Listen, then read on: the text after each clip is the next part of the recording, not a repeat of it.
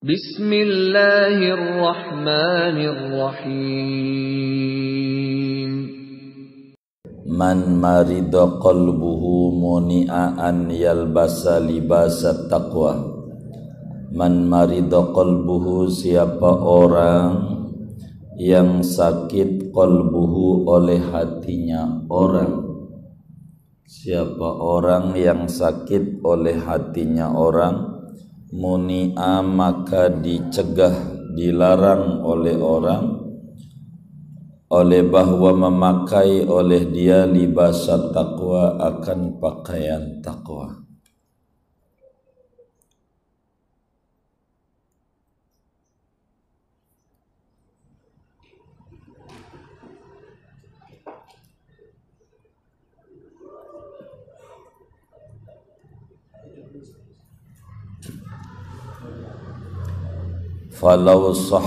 qalbuka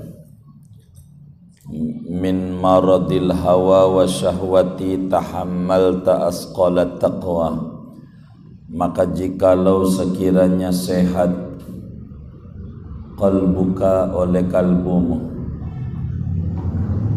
Ndak enak ini ya. Iya suaranya dengkak ya bagus enggak Falau saha qalbuka maka jikalau sehat qalbuka oleh kalbumu. Min maradil hawa daripada sakit hawa nafsu wa syahwati dan syahwat. Tahammal niscaya menanggung beban oleh kamu menanggung oleh kamu asqala taqwa akan keberatan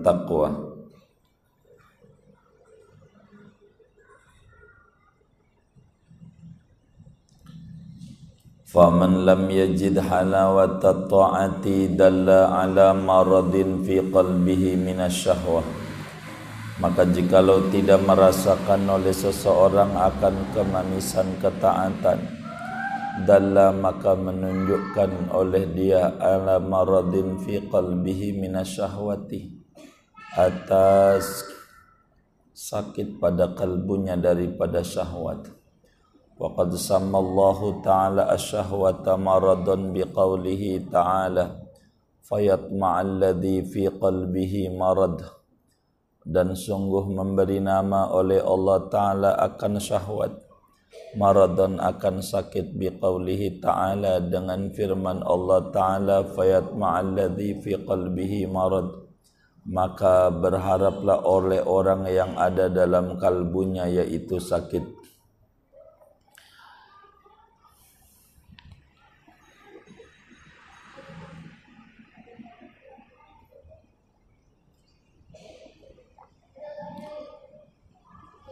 Jadi saudara-saudara sekalian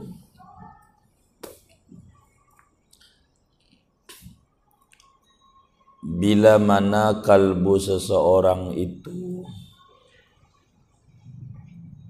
terkena penyakit maka tidak bisa dia diberi pakaian takwa, tidak bisa.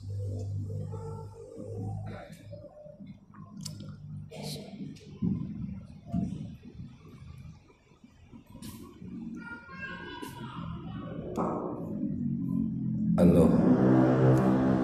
Treble-nya kali bang. Jangan bas.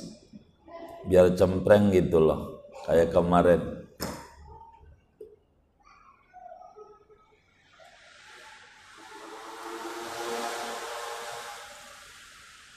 No eho. Ehonya jangan dimatiin. Ah? Enggak. MT bisa pakai ini. Ah? Ah? Iya, makanya kesalahan itu ente. Pakai EO aja bang, biar nyaring bang. Iya, urusan rekaman ini dari ini aja. Iya, jadi sehingga nggak mengganggu, nggak enak ini.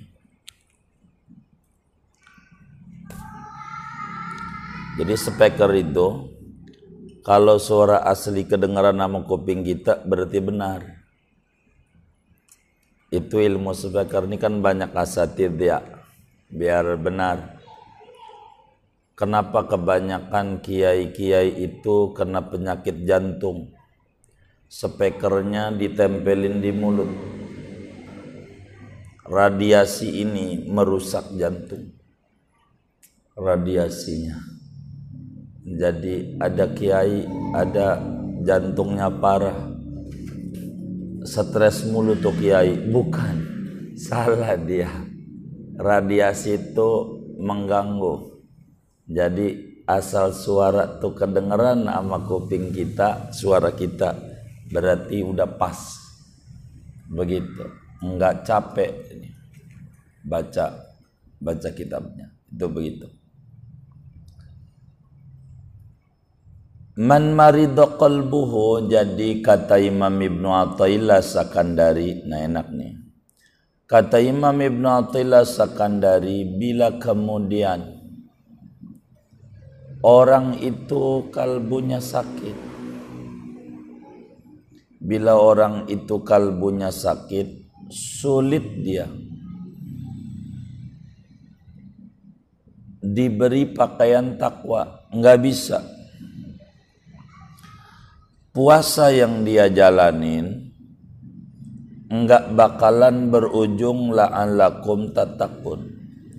Sehingga dia bakal terjebak oleh rutinitas tahunan tanpa ada punya buah dan makna. Ketika kolbu itu sakit.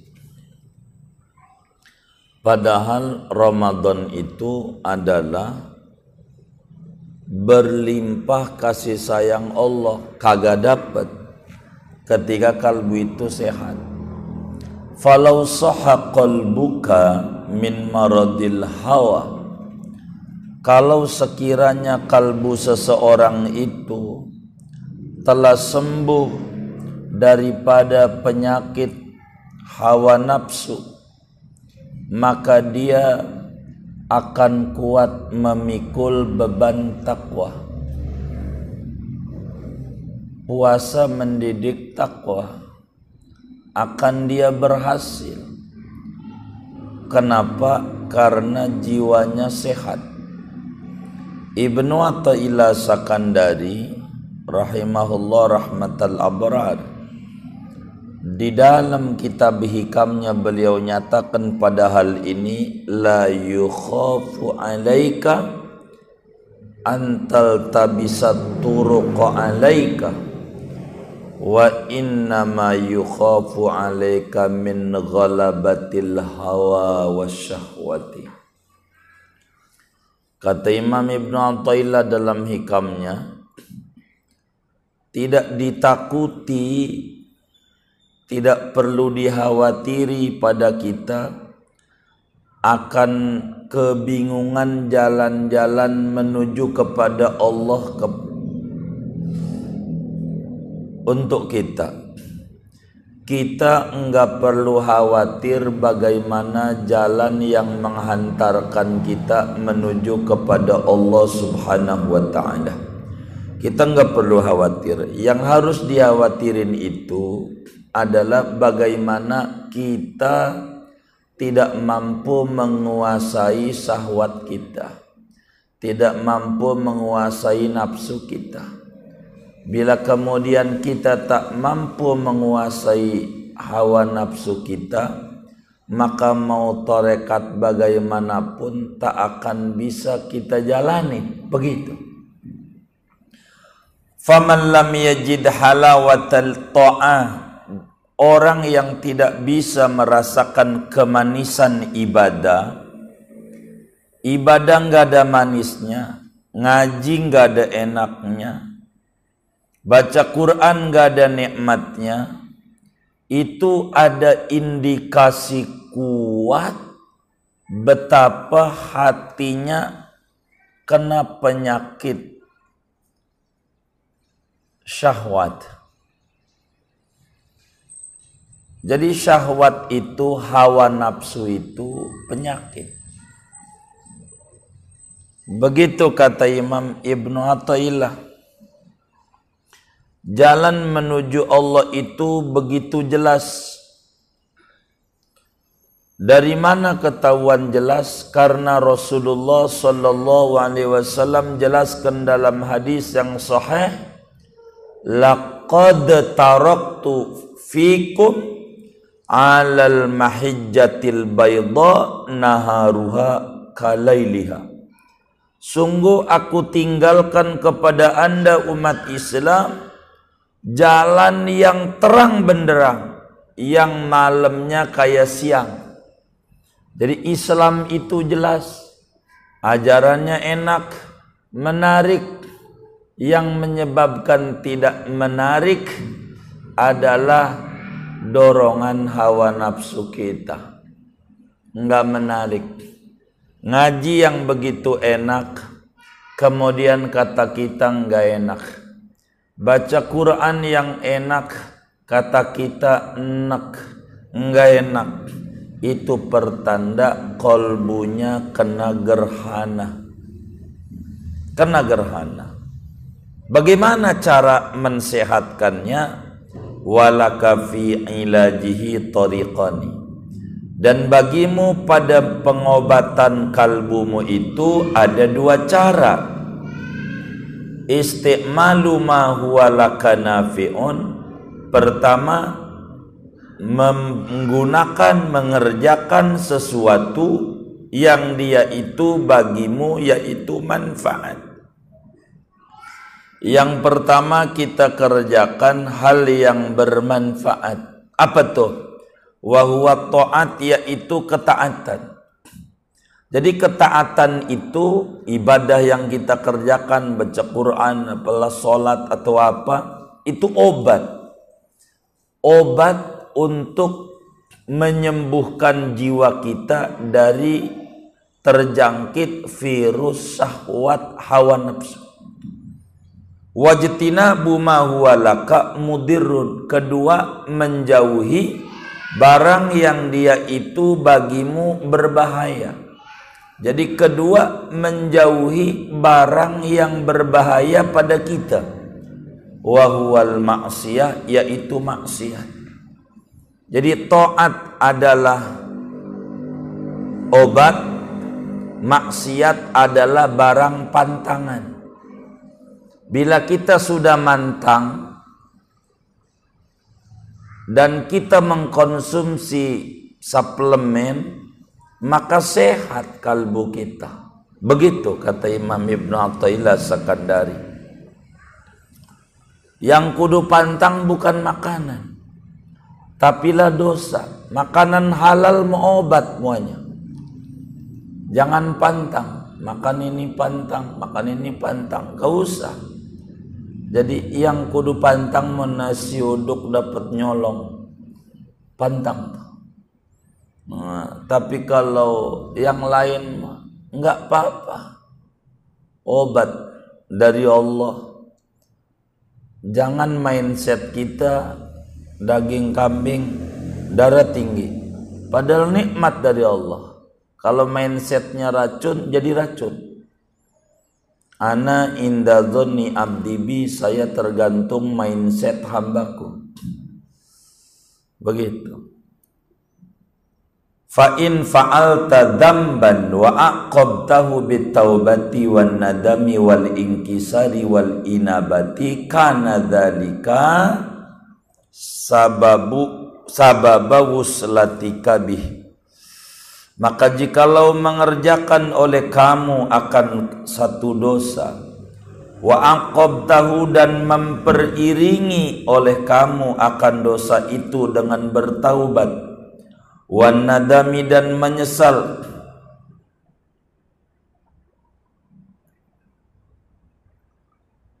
Wal ingkisari dan terpatah hati. Wal inabati dan kembali kepada Allah karena dzalika nisaya ada oleh yang demikian itu taubat nadam ingkisar inabah sababawu selatika bih yaitu penyebab terhubungnya kamu dengan Allah Jadilah kalau kemudian kita melakukan kesalahan Enggak usah sungkan kemudian kita taubat. Sebagaimana dididik oleh nenek moyang kita Nabi Allah Adam alaihissalam. Melakukan kesalahan itu lalu diiringi taubat maka akhirnya terhubung dengan Allah kembali. Bergelar Sofiyullah manusia pilihan Allah. Itulah gelarnya Nabi Adam. Di dalam kitab An-Nawadir Al-Imam Ahmad bin, Qal, bin Salam Al-Qalyubi ditanya tinggian mana non muslim yang masuk Islam atau muslim pendosa yang taubat? Ketika ditanya dijawab tinggian muslim yang bertaubat. Sebab dia dapat gelar mahbub orang yang dicintai oleh Allah Subhanahu wa taala. Innallaha yuhibbut tawabin wa yuhibbul mutatahhirin sesungguhnya Allah itu cinta kepada orang yang taubat. Maka dia di kelas cinta. Kalau kemudian dan kalau udah masuk kelas cinta dia terhubung dengan Allah Subhanahu wa taala. Wa in fa'alta ta'atan. Dan, jikalau kamu mengerjakan akan ketaatan salatlah tahajud wa aqabtaha dan memperiringi olehmu akan ketaatan itu bil ujbi dengan bangga-bangga diri. Wal kibri dan sombong. Karena dalika sababal qati'ati anhu.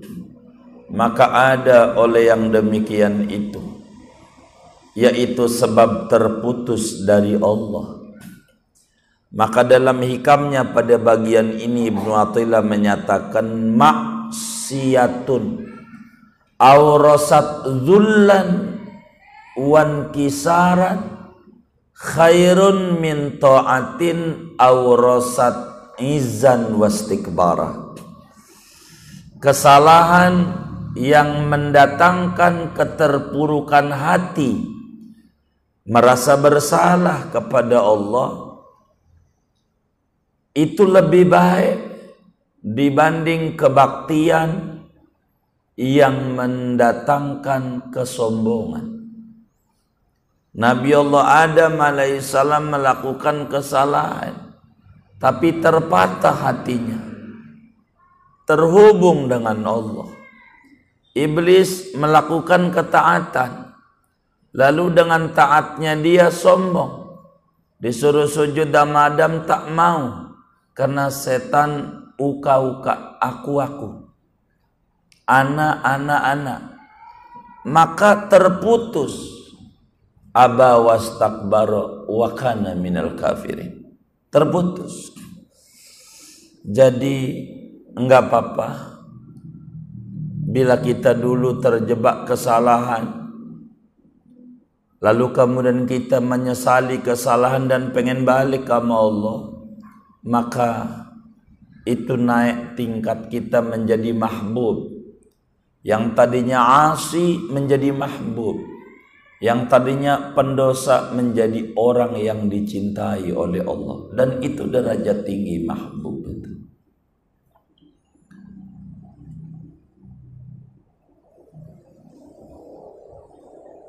Ajaban laka kaifa tatlubu salaha qalbika wa jawarihuka taf'alu ma sya'at minal muharramat. Kan nadhari wal ghibati wan namimati wa ghairi dalik Ajaban laka aku heran dengan heran kepadamu bagaimana menuntut oleh kamu akan kesehatan kalbumu Padahal adapun anggota tubuhmu yaitu mengerjakan oleh jawarih masaat akan apa yang menghendaki oleh jawarih? Minal muharramati daripada segala yang diharamkan kan seperti memandang-mandang yang haram.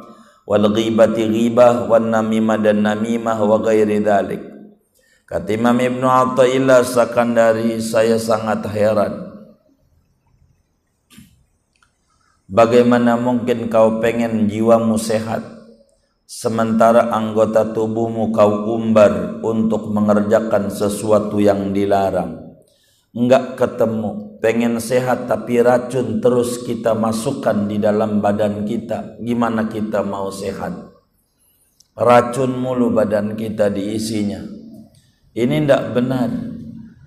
Famisaluka maka adapun perumpamaanmu kaman yatadawa bisum yaitu seperti orang yang berobat oleh orang dengan racun. Berobat biar sembuh dia minum racun. Racun serangga modar. Au kaman arada tanzifa saubihi bisawad atau seperti orang yang menghendaki akan membersihkan pakaiannya dengan air got pakaiannya pengen bersih tapi nyucinya di air got. Mana ketemu? Begitu. Bagaimana kalbu kita biar sehat sementara anggota tubuh kita selalu dibiarkan berbuat maksiat? Tidak benar ini. Fa'alaika bil khalwati wal uzlati. Maka lazimkan olehmu dengan khalwah dan uzlah. Uzlah itu membatasi pergaulan. Uzlah itu menjauh itu membatasi pergaulan. Begitu. Kita harus bisa memilah memilih begitu. Biar kita enggak salah. Faman kanatil uzlatu da'bahu kanatil izzulah. Maka siapa ada oleh uzlah yaitu kelakuan dia maka ada oleh kemuliaan yaitu baginya kalau kita mau uzlah mau membatasi diri tidak begitu banyak bergaul dengan orang yang tidak membawa faedah maka mulia itu akan datang pada kita kita jadi orang mulia. Sebab di sana ada iz. Habis uzlah, uzlah tu ain zai. Lahnya hilang. Kalau sudah kita uzlah. Iz. Faman sodaqat uzlatuhu zafira bimawahibil haqqi lahu bil minan. Maka barang siapa benar oleh uzlahnya maka memperoleh oleh dia dengan limpahan-limpahan Tuhan baginya dengan anugerah-anugerahnya maka dapatlah dia wahbah-wahbah ilahiyah ketika dia sudah betul-betul uh, uzlah. Wa alamatuha adapun tandanya uzlah sadiqah kasful ghita yaitu membuka tirai. Wa ihyaul qalbi menghidupkan qalbu. Wa tahqiqul mahabbati dan membuktikan kecintaan kepada Allah Subhanahu wa taala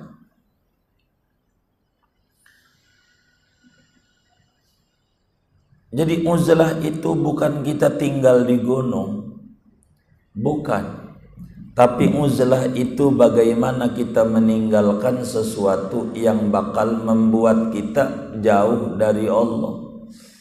Walaupun kita di tengah-tengah kota, asal kita pandai membatasi diri dari sesuatu yang dilarang, uzlah dia. Begitu, uzlah. Enggak perlu kemudian kita lari ke gunung, enggak perlu. Begitu. Kalau mau lari ke kampung, kampung hutan. Kampung rawa. Eh.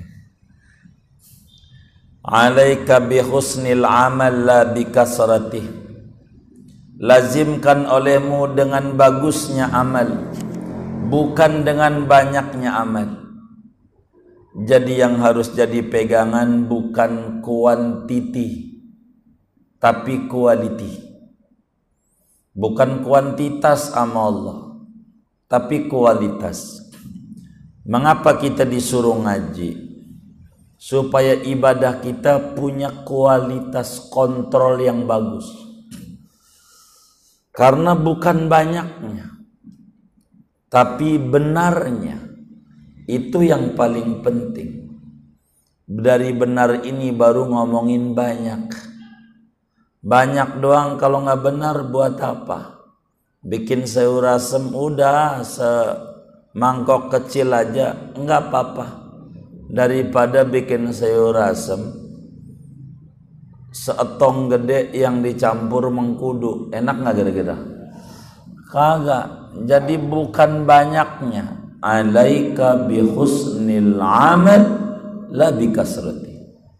Lazimkan olehmu dengan bagusnya ibadah bukan banyaknya. Benar dulu. Benar. Famisalu kasratil amal ma'a adamil husni fihi kasyabil kasiratil wadi'atis saman. Maka adapun perumpamaan banyaknya amal serta ketiadaan bagus pada amal yaitu seperti pakaian yang banyak al-wadi saman yang rendah harganya. Jadi pakaian mau banyak tapi harganya murah. Jadi enggak ada artinya. Wa misalu qillatil amal. Adapun perumpamaan sedikit amal. Ma'a khusni serta bagusnya. Kasyabil qalilatir rafi'ati saman. Itu seperti pakaian yang sedikit yang rafi'ah yang tinggi harganya. Jadi perumpamaan itu antara banyak amal dengan buruknya. Amalnya banyak doang. Itu kayak batu koral setrek dengan batu mutiara. Jadi koral setrek ama jamrud atuh dong kayak gini itu mahalan mana? Iya. Jadi bukan di banyak tapi di benernya. Jadi Ibnu Atta'illah seakan-akan bilang sama kita al-muawwal ala husnil amal la ala kasratil amal. Yang menjadi patokan itu dalam agama bukan banyak tapi benar. Begitu. Banyak doang nggak ada artinya buat apa gitu kaliyaku tati seperti mutiara yakut sapir yellow safir sogirun jirmuha kecil bentuknya. Kasirun samanuha banyak harganya harganya mahal walaupun kecil dibanding batu koral setrek begitu. Masih bagusan itu. Jamrud. Faman asghala qalbahu billah wa alajahu mimma yatra'u alaihi minal hawa kana afdala mimman yuksiru minas sawmi was maka barang siapa menyibukkan diri oleh orang akan kalbunya dengan Allah. Wa alajahu dan mengobati oleh orang akan kalbunya. Mimma yatra'u alaihi minal hawa. Dari apa-apa yang datang atasnya dari hawa nafsu karena maka ada oleh orang itu afdola itu lebih utama mimman yuksiru minasami wassalah ketimbang daripada orang yang memperbanyak daripada puasa dan sholat kata Imam Ibnu Atta'illah Sakandari siapa orang hatinya sibuk dengan Allah dia berupaya untuk membenahi kalbunya dari akhlak-akhlak buruk batin. Maka itu lebih tinggi dibanding banyak solat.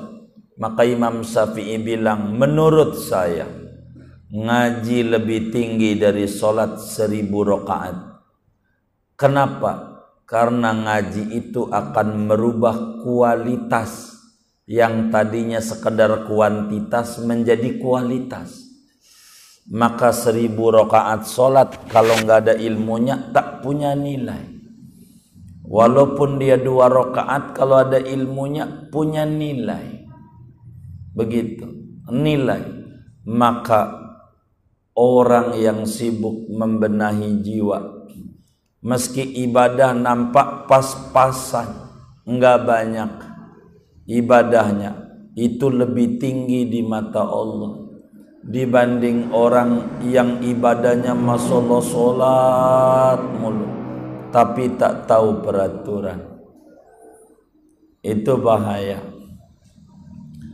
Misalu man shalla salata bi ghairi huduril qalb bi ghairi huduri qalbin kana kaman ahda lil maliki. Enggak ada kananya. Kaman. Langsung kaman. Kana enggak ada. Baik. Ini ada kana tuh kan beda redaksi. Misalu man shalla bi ghairi huduri qalbin kaman ahda lil maliki mi'ata sunduqin. Adapun perumpamaan orang yang solat oleh orang dengan ketiadaan konsentrasi hati yaitu seperti orang yang memberikan hadiah lil maliki kepada raja mi'ata sundukin akan seratus peti farigotan padahal kosong. Fayastahiqul uqubata minal malik maka berhak oleh dia akan hukuman dari raja. Jadi siapa orang yang solat hatinya enggak hadir kemana-mana solat tuh itu sama dengan ngasih ama raja peti kosong. Ini hadiah buat anda. Kagak ada isinya. Kira-kira ama raja diterima apa diomelin? Ah, isinya itu. Jadi apa isinya solat itu? Hudurul qalb. Itu isinya yang bikin mahal. Isinya. Bungkusnya ya ruku sujud tapi isinya kehadiran kolbu dengan Allah. Bila kita sholat pikirannya ke mana-mana, itu amaraja diomelin. Amaraja, wong ngasihnya tong kosong, nggak ada isinya. Jadi nggak diterima. Begitu maka minimal biar kita kata khusuk tuh mulut baca kuping dengerin. Udah khusuk dah. Tingkat terendahnya begitu. Mulut nih baca bismillahirrahmanirrahim. Kuping dengerin terus. Begitu jadi. Biar bisa begini caranya. Biar bisa dulu. Ini dilatih. Walaupun jelek enggak apa-apa. Entarnya bagus. Jadi kalau sholat tuh artinya ngomong begini ini kita kufuan ahad. Habis ini ajarannya ruku. Itu artinya begitu tuh. Ruku habis ruku nih subhanallah habis ini namanya tidak itu artinya begitu tuh. Biar nggak ke mana-mana. Nggak apa-apa begitu tuh di hatinya. Habis ini dal habis ini ajarannya sujud. Dengan turun lutut dulu jangan tangan kecuali kongkong artinya terus ngomong begitu. Terus saja. Enggak apa-apa. Nanti lama-lama enggak tanpa ngomong akan gerak hati terkontrol dalam sholat. Biar jangan dipengaruhi dari luar. Jadi kitanya enak ibadahnya. Itu begitu. Untuk mendatangkan daripada khudur khudurul qalb di dalam kita orang uh, ibadah.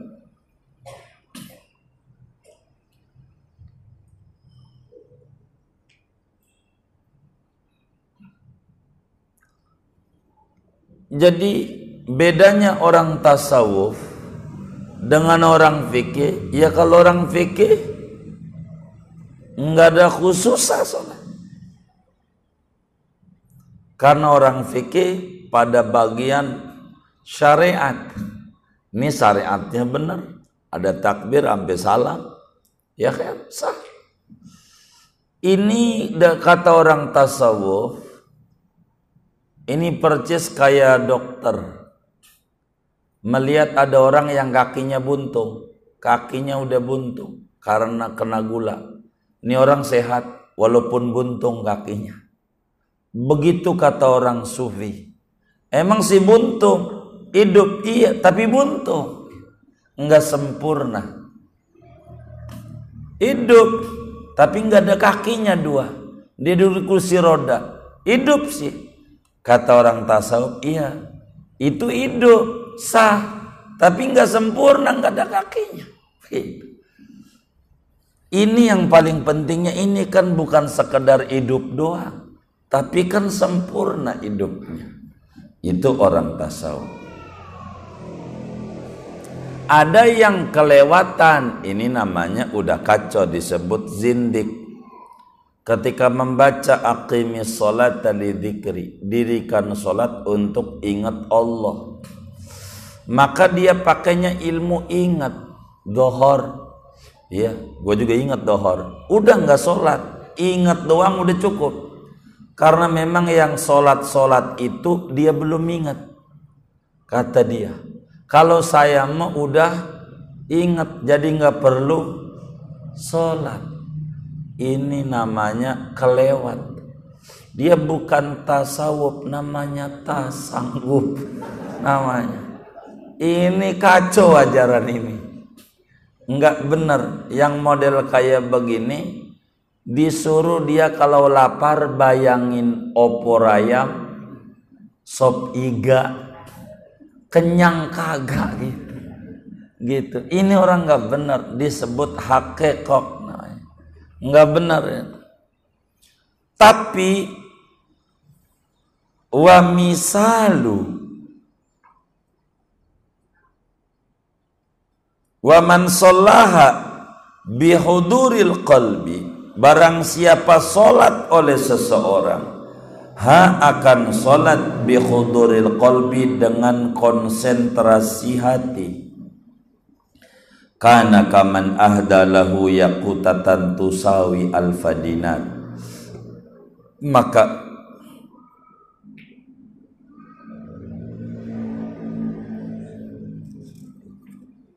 ada oleh dia yaitu seperti orang yang memberikan hadiah kepada raja akan mutiara yakut yellow safir yang menyamai harganya akan seribu dinar.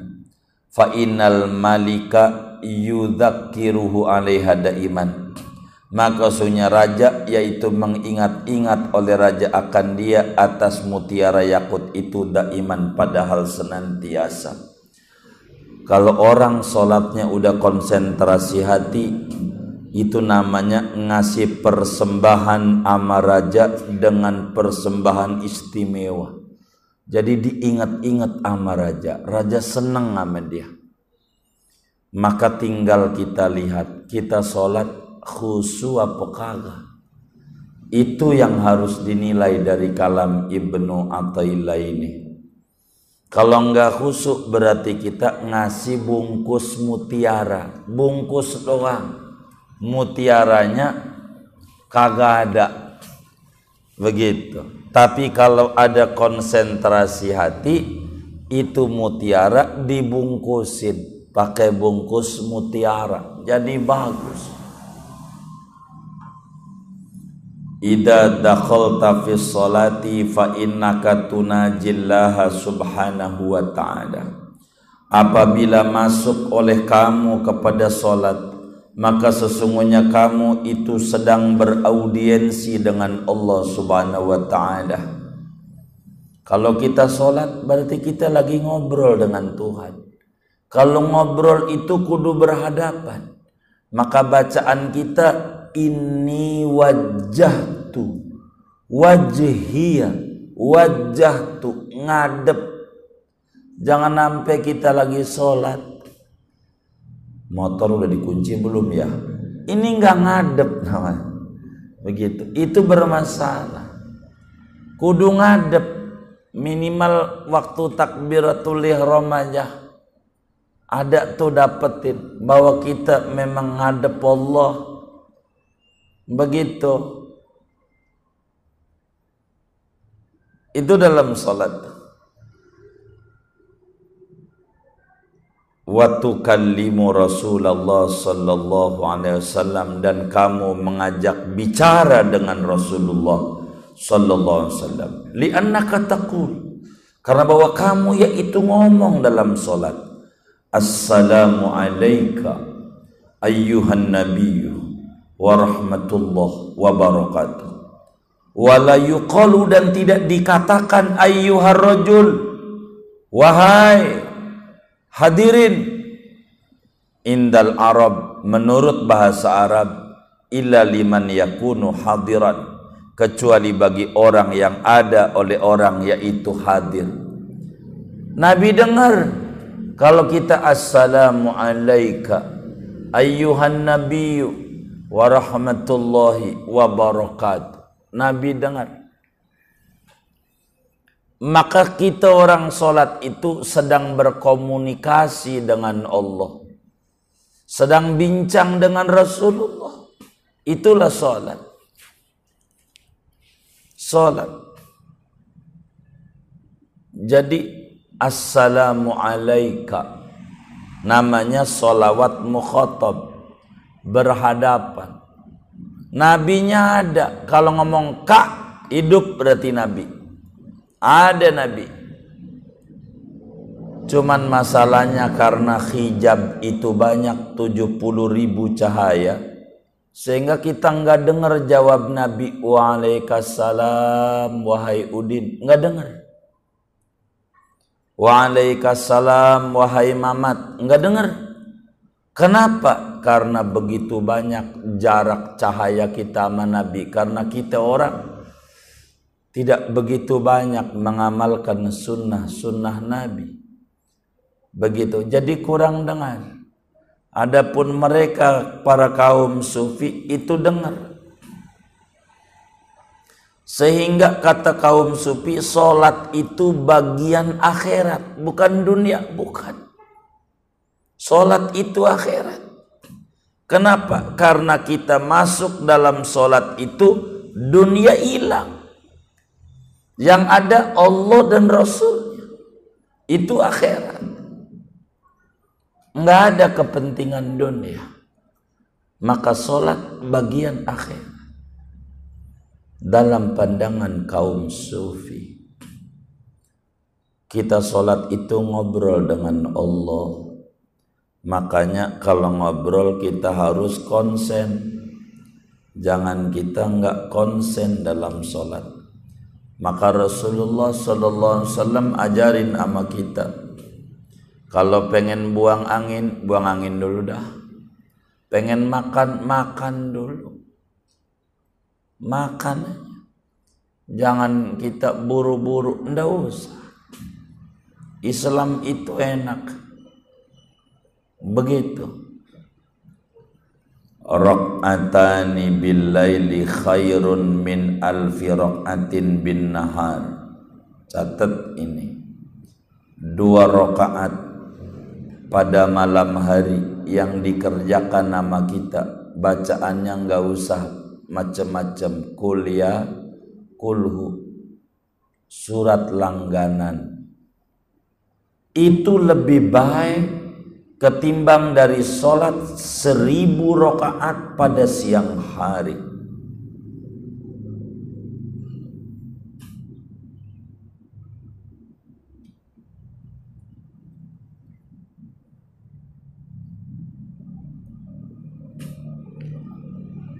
Jadi sholat kalau malam dua rakaat nilainya tinggi, tinggi banget.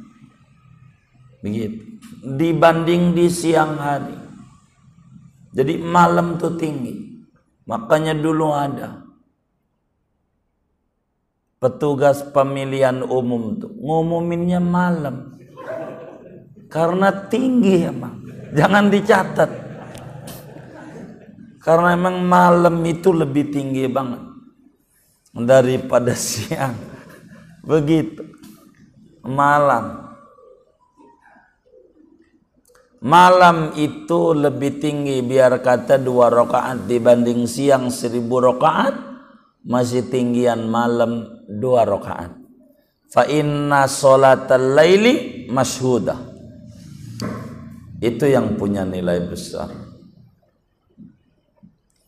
wa anta la tusalli fihi rak'ataini fatajidu dzalika fi mizanika dan adapun kamu yaitu tidak solat oleh kamu pada malam hari akan dua rakaat maka mendapati oleh kamu akan yang demikian itu fi mizanika pada timbanganmu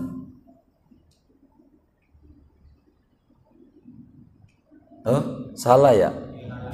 Baik. Tuh, Ben, ini cakepan yang ini nih. Redaksi-redaksinya. Wa anta la tusalli fihi illa litajida dzalika fi mizanika. Baru pasti. Dan adapun kau yaitu tidak solat oleh engkau pada malam hari akan dua rakaat melainkan litajida dzalika fi mizanika agar supaya kau dapati akan yang demikian itu fi mizanika pada timbanganmu kenapa kita mesti sholat dua rakaat supaya kita ada tuh nilai seribu rakaat di siang dengan malam dua rakaat aja Enggak usah banyak-banyak. Dua aja. Wahal yustarul abdu illa lil khidmah. Tidaklah dibeli oleh seorang budak melainkan untuk bekerja. Kalau budak tuh dibeli bukan untuk main-main. Kita beli budak, budak bukan untuk main, untuk kerja. Tuhan membeli kita untuk bekerja, untuk ibadah. Qala Allah Ta'ala, Inna Allah ashtara minal mu'minin anfusahum wa amwalahum bi anna lahumul jannah. Sesungguhnya Allah telah membeli daripada orang mukmin akan jiwa mereka, harta mereka dengan bahwa bagi mereka itu surga. Kita itu udah dibeli sama Allah imbalannya surga maka tugas kita tuh untuk mengabdi sama Allah ngabdi sama Allah itu tugas kita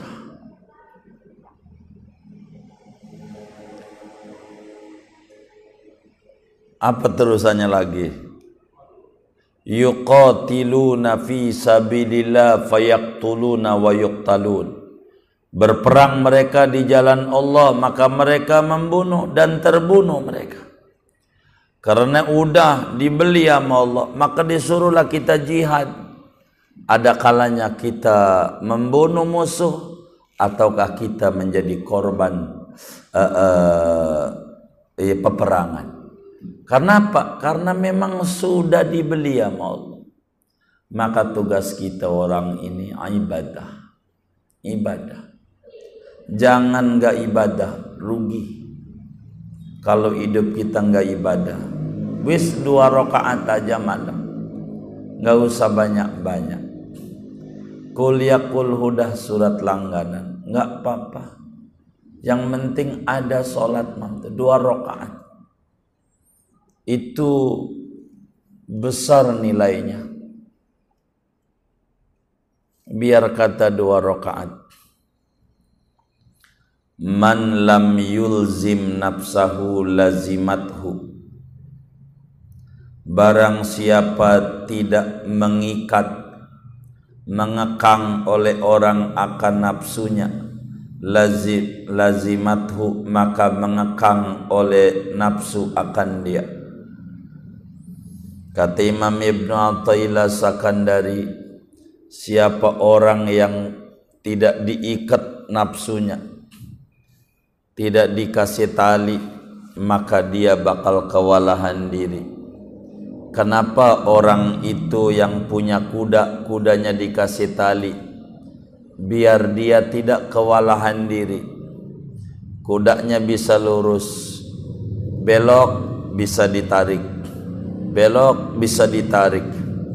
Itu karena ada tali kekang. Tapi kalau nggak ada tali kekang repot. akan dikendalikan oleh kuda bukan kita yang mengendalikan. Maka hawa nafsu itu kudu kita yang menggenggam. Jangan kita diserahin ama nafsu. Rugi. Waman lam yutalibha talabathu. Barang siapa tidak menuntut-nuntut oleh orang akan nafsunya talabathu maka menuntut oleh nafsu akan dia. Kalau kita nggak kerjain tuh nafsu, maka dia yang bakal ngerjain kita. Sehari semalam sama antara kita orang nih yang ngaji sama yang kagak ngaji. Sama 24 jam. Sama, sama sehari semalamnya. Tapi walaupun sama modalnya, kalau kita enggak dikekang ini nafsu, dituntut ngaji maka kita bakal diaji oleh nafsu dituntut yang kagak. Ada orang pagi-pagi bang ngaji yuk. Aduh gua repot hari ini. Uh, sorry dah. Uh, ya udah kalau begitu gua berangkat bang ya. Ya monggo. Dari tadi repot sampai kita pulang ngaji masih duduk di gardu orangnya. Masih duduk. Dia kagak enak juga kata dia repot masih di situ. Masuk akhirnya. Itu namanya waman lam yutolibha tolabat emang begitu dikerjain. Apa nafsu. Begitu. Diajak keratiban bang yuk ratiban. Gue lagi repot malam ini. Sampai ke ratiban masih ada di situ. Repot juga. Namanya kongres. Kongko ora beres. Begitu. Falau ja'alta 'alaihal asqala bitta'ah lama talabatka bil maksiyah maka jikalau membuat oleh kamu atas nafsu akan beban berat dengan ketaatan niscaya tidak menuntut oleh nafsu akan kamu dengan kemaksiatan kalau sekiranya nafsu kita dikasih tugas ngaji ibadah di program maka dia nggak bakal ngerjain kita. Tapi kalau kita nggak kasih tugas nafsu, maka nafsu akan ngasih tugas kita. Repot yang enggak enggak hidupnya. Begitu. Kata dia yang enak mau Sabtu Minggu hiburan ke puncak. Jangan ngaji mulu, eh, dia kagak tahu ngaji itu hiburan jiwa dia pergi ke puncak akhirnya dia macet pulangnya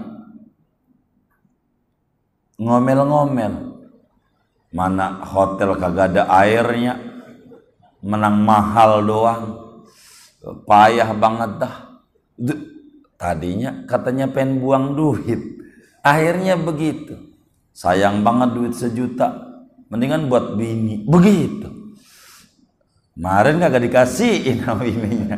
Gitu. Ini dikerjain nafsu namanya. Dikerjain. Jangan. Walamma kanat tatafarragu dan niscaya tidak ada oleh nafsu yaitu luang oleh nafsu bagi maksiat. Enggak ada waktu buat maksiat. Enggak ada. Kalau kita udah kasih tugas hal ra'aita salihina wal ubada yatafarrajuna fil a'yan apakah melihat oleh kamu akan orang soleh dan ahli ibadah? Yatafarrajunya rekreasi mereka pada hari raya. Lihat apakah orang-orang soleh itu demen rekreasi? Tidak. Karena udah bahagia jiwanya. Orang yang cari hiburan itu yang tandanya jiwanya belum bahagia, kasihan. Begitu. Orang yang udah bahagia mau ngapain? Nyari bahagia. Tidur yang paling enak di rumah, bini mau bangunin juga kita bisa tendang. Eh, masih ngantuk. Betul nggak? Itu begitu. Tidur tuh yang paling enak. Itu begitu. Tidur yang paling enak begitu. Yang paling enak. nggak ada lagi begitu. Makan yang paling enak ketika lapar. Restoran bukan biar di rumah. Kalau perut perih itu makan pakai sambal enak. Kenapa di restoran itu lama? Itu biar lapar. Jadi bakalnya ini cakep nih restoran tapi karena lama tuh biasanya watak orang tuh ngomel-ngomel, dikasih otak dulu. Itu udah biasa itu di restoran tuh. Menu pertamanya otak. Begitu. Kalau ngomel-ngomel ente nggak ada otaknya gitu. Jadi ama dianya begitu tuh. Begitu. Ama si pelayannya tuh kalau ngomel, ini lama. Nggak ada otaknya. Begitu sama dia maka dikasih otak tuh biar kita enggak ngomel lama begitu kok lama banget apa ayamnya lagi nangkep ya begitu jadi eh, begitulah kita. Ketika kita nunggu lama itu lapar baru datang. Ini nikmat. Nikmatnya itu karena laparnya itu. Laparnya itu. Enak enak. Yang kayak begitu Man saghala nafsahu bil mubahati wal farahi sugila an qiyamil laili. Barang siapa yang sibuk oleh orang akan dirinya dengan segala perkara mubah wal farahi dan kesenangan senang-senang hiburan maka disibukkan ia meninggalkan dari qiyamul lail Siapa orang yang sibuk dengan perkara yang mubah, enggak keburu buat qiyamul lail, enggak keburu habis. Tapi kalau buat main Mobile Legend bisa sampai adzan subuh belum rapi dia. Gitu. Ada enggak yang model begitu tuh? Enggak ada alhamdulillah. Coba itu fayuqadu lahu maka dikatakan kepadanya sagol nafsaka anna fasagolna an iya ibadatina. Kau sibuk menyibukkan kau akan dirimu daripada kami kata Allah. Maka menyibukkan kami akan kau an ibadatina meninggalkan daripada jauh daripada ibadah kami. Kalau kemudian kita udah repot maka Allah kasih kita kerepotan enggak sempat ibadah. Dan itu kerugian. Ra'atani fi jawfil laili asqalu alaika min jabali uhudin. Uhuda boleh. Karena tiga huruf. Kalau tiga huruf itu boleh munsorib boleh tidak. Hindun tidak munsorib. Tiga huruf uh, bisa munsorib bisa lima tanwin. Tidak goer munsorib. Tu hindan tu bihindin. Tiga huruf. Uhudin uhuda boleh. Terserah kita. Adapun dua rakaat fi jaufil laili pada tengah-tengah malam asqalu yaitu lebih berat alaika atasmu min jabali uhuda ketimbang daripada memikul gunung Uhud. Emang gunung Uhud dan masuk dua rakaat beratan mana? Beratan solat. Di mata kita enggak kuat. Padahal dua rakaat doang kata Imam Ibnu Athaillah. Kenapa enggak kuat? Lebih berat daripada gunung fa'adha'un yabisat ani ta'ati la tasluhu illa lil maka adapun anggota-anggota anggota kalau bahasa kita biar gampang dahan dulu. Maka adapun dahan-dahan yabisat yang kering daripada taat la tasluhu yaitu tidak patut oleh dahan ila lil qat'i kecuali dipotong. Anggota tubuh yang kering daripada air ketaatan enggak bisa untuk dilestarikan kecuali kudu dipotong. Kenapa kita malam enggak kuat tahajud? Karena jiwa kita kering dari air ketaatan kepada Allah. Karena jiwa kita kering dari air ketaatan, maka Allah pangkas yang ini kagak boleh bangun malam. Karena kering. Fa inna syajarata idza yabisat la tasluhu illa linnar. Maka sungguhnya pohon yaitu apabila kering oleh pohon tidak layak itu pohon kecuali untuk api menjadi kayu bakar. Kayu bakar menjadi kayu bakar. Kenapa orang-orang itu masuk neraka? Enggak ada yang dimasukin nama Allah. Ke neraka tu Nabi Musa alaihissalam di dalam kitab Tuhfatul Mardiyah dijelaskan dikarang oleh ulama besar Mesir imam daripada Masjid Siti Zainab itu Nabi Musa nanya protes sama Allah Ya Rabb Ngapa itu orang dimasukin ke neraka? Kenapa orang pada dimasukin ke neraka? Kan dia maksiat duitnya dari engkau juga. Dikasih dagang untung lalu dia kelabing.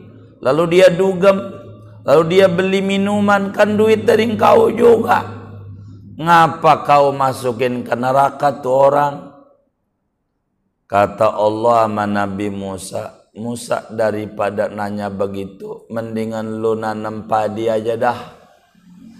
Tuh Allah jawab sama Nabi Musa. Fa'awahallahu ila Musa. Maka Allah menjawab sama Nabi Musa, tanam padi. Nabi Musa lalu menanam padi. Sudah nanam padi kemudian dia bilang, sudah ya Rob, ya sampai panen lah, mau sampai panen. Maka kemudian itu sampai panen, saudara. Panen. Ambilin datu padi dituai, dipanen.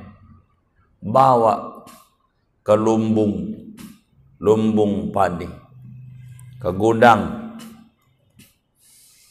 Lalu kemudian Nabi Musa bilang sama Allah, Ya Rob sudah Udah panen udah Udah diambilin sudah Semua Iya ya Rob semua Jerami-jeraminya Ya kagak lah ya Allah Kalau jerami mau nggak ada manfaatnya.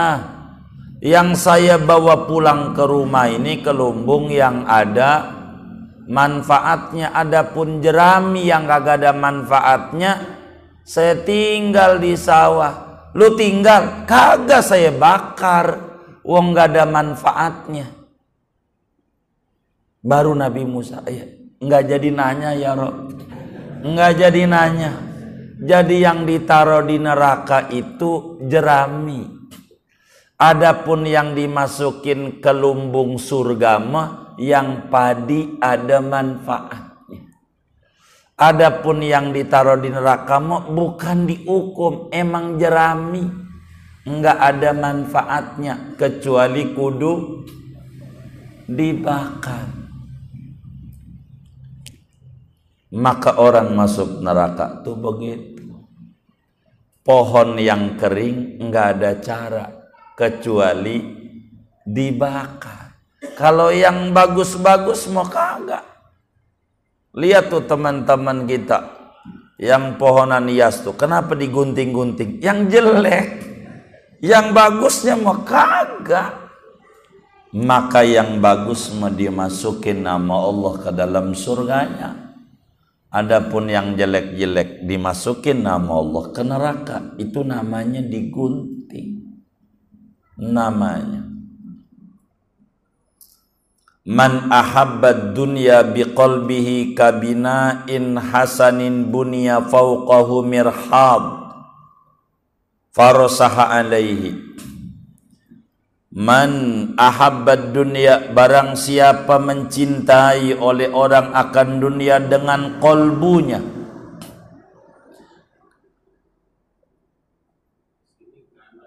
Karena ya baik. Tadi di sono karena nggak ada, sekarang ada tuh.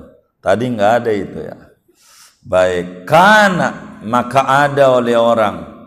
Kaman bana yaitu seperti orang yang membangun oleh orang binaan hasanan. Begitu ya. Kaman bana binaan hasanan. Seperti orang yang membangun oleh orang. Binaan hasanan akan bangunan indah. Fauqahu mirhadun yang di atas bangunan indah yaitu WC farosaha alaihi maka rembes oleh WC atasnya fala yazalu kadzalika hatta yura zahiruhu kabatini maka senantiasa ia yaitu seperti demikian sehingga terlihat luarnya seperti dalamnya. Wa minhum man yunaqqihi fala yazalu qalbuhu abyadha maka setengah wa minhum dan setengah daripada orang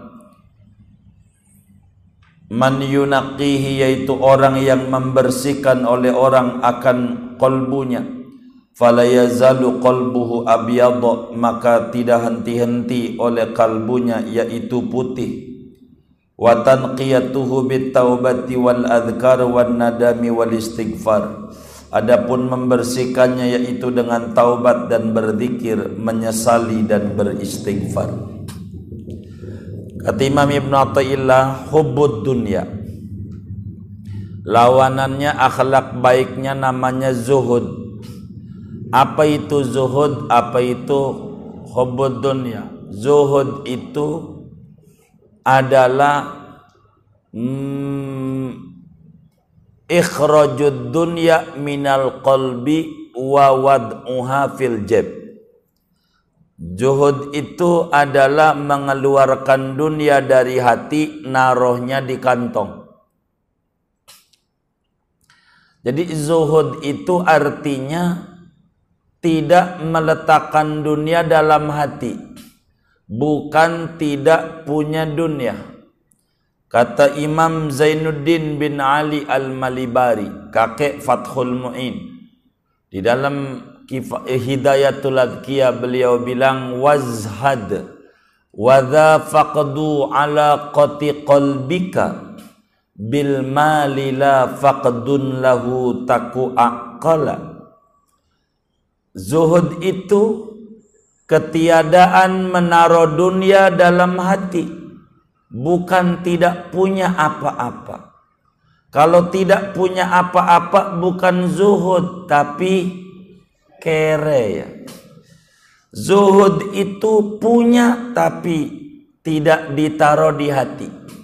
Duitnya kayak sandal. Kita ke masjid dari rumah bawa sandal enggak? Dibawa ke dalam masjid enggak? Kenapa?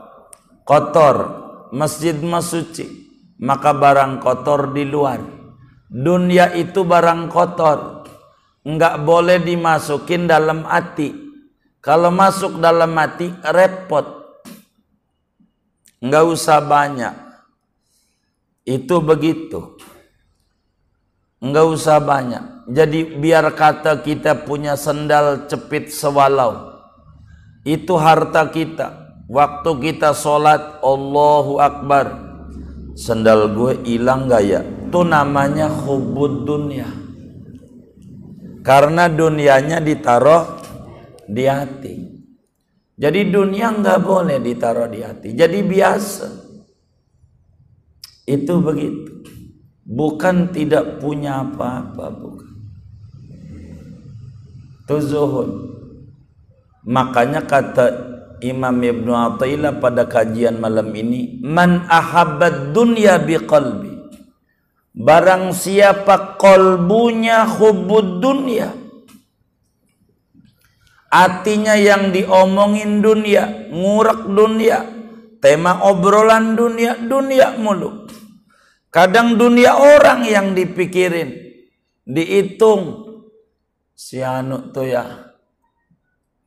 bininya habis beli kulkas dua pintu paling nggak kalau kredit di Carrefour 400 ribu anaknya habis motor PCX paling nggak kalau kredit lah kalau diambil 4 tahun itu bisa sejuta lebih tuh 300 sejuta 300 ditambah 400 sejuta 700 tuh buat itu doang Berarti duitnya malam-malam ngitungin dia.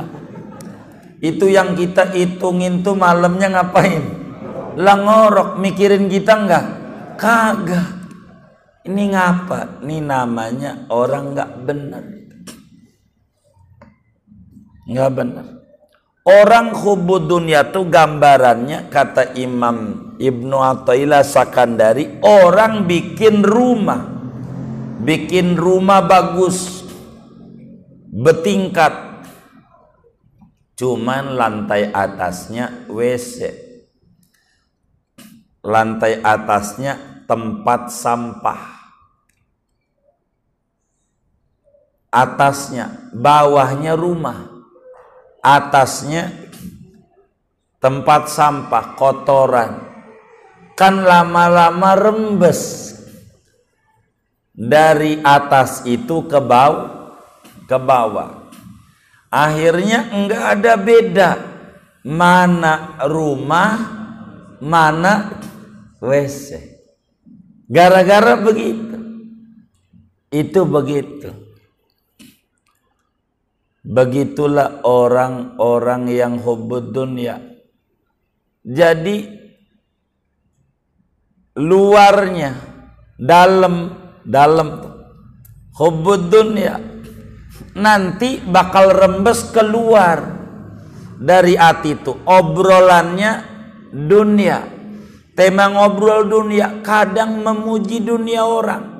Temennya bilang begini di majelisnya kata temannya Alhamdulillah saya sekarang kebeli handphone baru kata temannya kata kita dia bilang handphone apaan Nih, merek apa? Cross. Ya, Cina. Temen gue nih, iPhone. Temen gue, lu punya apa lu? Temen gue, lu punya apa? Lu aja dah.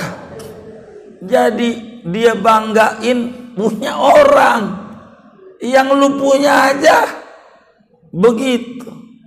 Itu gara-gara rembes dari dalam hati keluar otaknya yang diobrolin begitu yang diobrolin Masya Allah temennya nih punya mobil ya Allah mobil lo carry jelek banget carry apa carry masih bagus daripada lu belum punya itu ada nih gara-gara hubud dunia masuk pada uh, hati tuh begitu tapi ada juga orang yang berupaya dibersihin.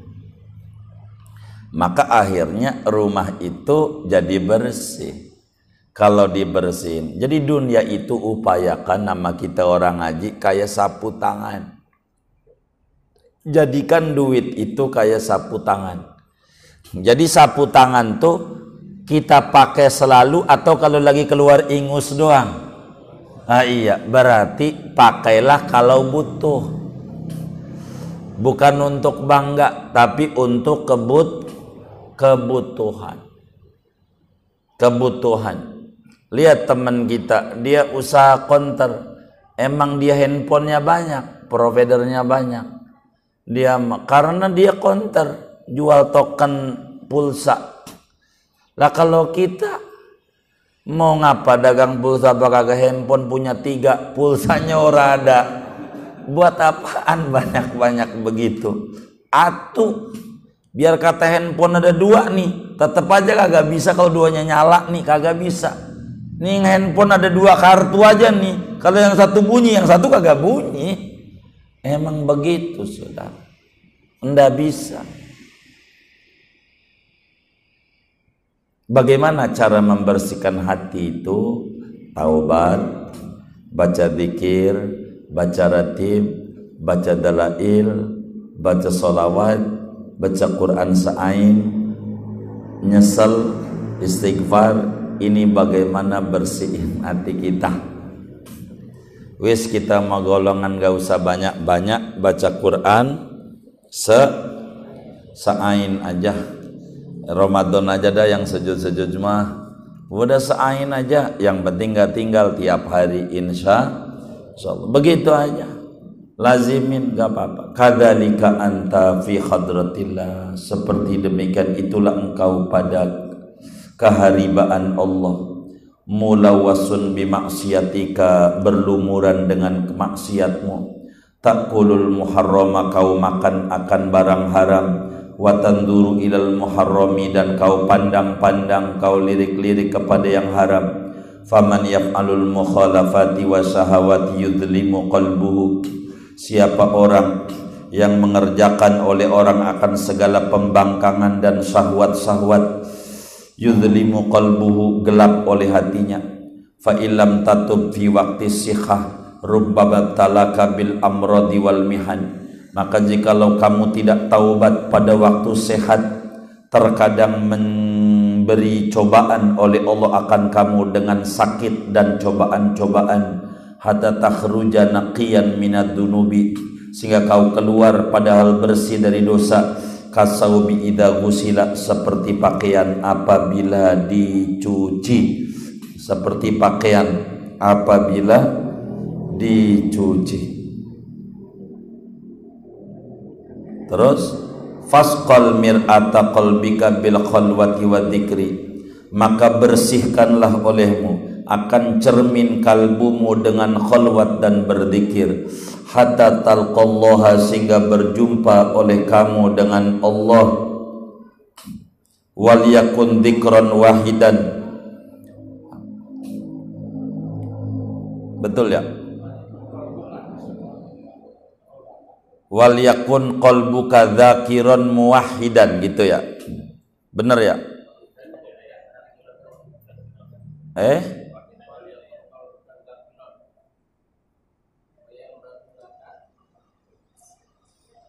Fasqal mir'ata qalbi law dzikri hadal qalwa terus wal yakun wal qalbuka dzakiran yang bagilaka Ya Allah, berjauh banget ya. Kalau yang cetakan ini nih, HP ini, DKI ini, tulisannya waliyakun dzikran wahidan. Ini sama manda. Waliyakun qalbuka dzakiran. Hendaklah ada oleh kalbumu dzakiran yaitu berzikir. Muwahhidan lagi bertauhid membaca la ilaha illallah. Zikirnya muwahhidan. Fatat fatan bu'u lakal anwar. Maka bersumber bagimu oleh cahaya-cahaya maka nyumber cahaya. Wala takun kaman yuridu an yaghfira bi'ran.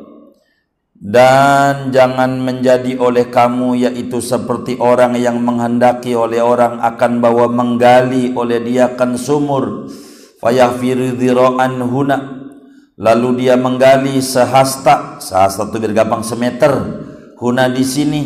Wadhira'an hunaka dan semeter di sana uh yang enak tikron wahidan yang enak nih ente tikron wahidan ya enggak ada waduh sayang banget ini ini redaksinya eh, ini yang separohnya bagus di sini nih. Jadi begini. Nih redaksinya benerin ente. Wal yakun qalbuka dzakiran dzikran wahidan. Begitu. Bunyinya baru benar tuh. Baru benar tuh kitabnya. Baru benar. Hendaklah ada oleh kalbumu zakiran yaitu berzikir. Zikran wahidan dengan zikir yang satu macam. Begitu. Satu aja. Satu tapi fatan bu'ulakal anwar. Maka nyumber bagimu oleh cahaya. Satu tapi berbuah. Begitu. Begitu, baru tuh benar tuh. Wala takun kaman yuridu dan jangan sampai kamu menjadi seperti orang yang pengen gali sumur cuman galinya semeter pindah, semeter pindah, semeter pindah. Falayan bu'ulaka ma'un amadan maka tidak nyumber bagimu oleh air selama-lamanya. Balik fi makanin wahid bahkan galilah olehmu pada satu tempat fayan bu'ulakal ma maka nyumber bagimu oleh air. Jadi kalau wiridan gak usah banyak-banyak. Ketemu kiai lagi kiai minta ijazah. Setiap ketemu kiai minta ijazah mulu. Kiai minta ijazah, ijazah mulu diamalin kagak ada nggak yang kayak begitu tuh? Ini orang kagak bener gitu. Yang kayak begitu. Udah segini dulu dah. Wallahu a'lam bishawab.